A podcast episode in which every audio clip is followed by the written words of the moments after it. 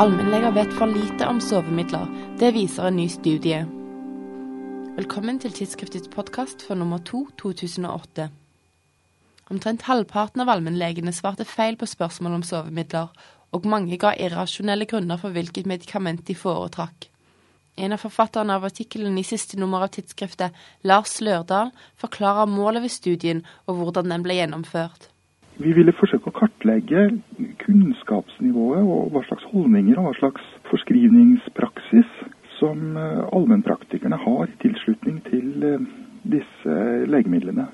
Og Det vi da gjorde, det var at vi laga til et enkelt lite spørreskjema som gikk over eh, to sider. Og som vi da sendte ut til alle allmennpraktikerne som er medlem av Legeforeninga i seks norske fylker. Det dreier seg om til sammen ca. 930 allmennpraktikere som da jobber i et nedslagsfelt med rundt regna en million norske pasienter. Vi stilte ti kunnskapsrelaterte spørsmål. Og så serverte vi åtte kasuistikker, også veldig forenkla, der vi ba om tilbakemeldinger i form av hva slags terapi de ville forskrive. Enten et Z-hypnotikum, altså sopiklonsolpide, eller et benzodiazepin, eller noe annet.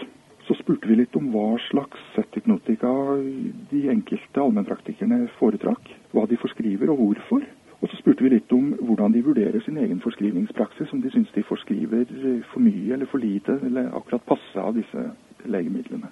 Hva var bakgrunnen for at dere ville utføre denne studien?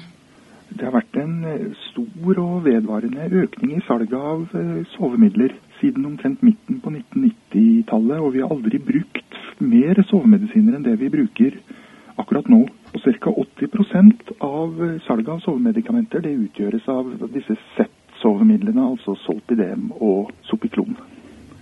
Hva var resultatene? Resultatene Ja, aller først så mente vi jo da å identifisere noen kunnskapshull her og der. På noen av spørsmålene så fordelte jo allmennpraktikerne seg på sånn riktig galt, vet ikke, på sånn, sånn ca. en tredjedel i, i hver av gruppene. På andre områder så var kunnskapene stort sett uh, til stede og, og, veldig intakte. En ting som vi syns kanskje var hovedfunnet her, og som, som var mest interessant for oss, det var at de som signaliserte skepsis. Altså i betydninga jeg syns jeg kanskje forskriver de her midlene litt for hyppig, og jeg mener i prinsippet at man skal være restriktiv. Og de med gode kunnskaper, de som altså stort sett svarte riktig på disse kunnskapsspørsmålene, de synes å forskrive Z-hypnotika, sopiklon solpidem, sjeldnere enn de av deres kolleger som enten er mindre skeptiske eller som har mindre kunnskaper. Har du noen tanker om hvorfor det bare var 36% av legene som svarte på spørreskjemaet? Ja, Det kan jo være mange, mange, årsaker til det. For det første så Det var jo skuffende at bare en tredjedel eh, svarte, syns jo vi. På den andre sida så henvendte vi oss til ei yrkesgruppe som er notorisk travle. altså. De har mye å gjøre. Og den slags Altså fylle ut den type skjemaer er kanskje ikke det de gjør med mest lyst heller. De syns kanskje at det var en uegna metode. Det er klart at et sånt enkelt spørreskjema, der gjør vi oss skyldige, vi som lager de, i forenklinger. Vi presenterer lukkede alternativer osv. osv.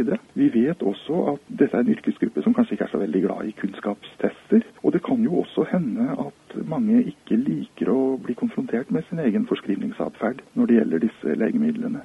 Når det er sagt, så kan jeg vel også kanskje legge til at vi likevel at det bildet vi sitter igjen med, i alle fall ikke er fortegna i negativ retning. For det er vel neppe verstingene som svarer, for, for å si det litt eh, fleipete her. Hva kan være grunnen til den mangelfulle kunnskapen? Det er ikke så godt å si. Altså En hovedgrunn er nok det at det er for lite produktuavhengig informasjon ute og går. Veldig mye av legemiddelinformasjonen den kommer ifra produsentene. Og der er det nok, i hvert fall har vi sett mange eksempler på det, at disse nyere sovemidlene de framstilles som får i foregler og omtales som, nok, som, som mindre både bivirkningsbefengte og mindre problematiske enn det de egentlig er. Det er for mye reklame her, og det er for lite produktuavhengig informasjon. Trine Bjørnar, som har skrevet en lederartikkel i samme nummer, svarer på spørsmålet om norske leger har nok kunnskap om søvn og hypnotika. Den studien som er presentert i dette nummeret av tidsskriftet, den viser jo at dessverre ikke så er tilfellet, idet bare omtrent halvparten av svarene til eh, leger på spørsmål om eh, sovemedisiner var riktige. Hva kan være årsakene til de betydelige variasjonene i salg av sovemidler i løpet av de siste 20 årene? I løpet av de siste 20 årene så har det jo vært forskjellige medikamenter som har vært tilgjengelige på markedet. Vi har hatt noen avregistreringer pga. Av bivirkninger, og så har det kommet nye legemidler til på markedet.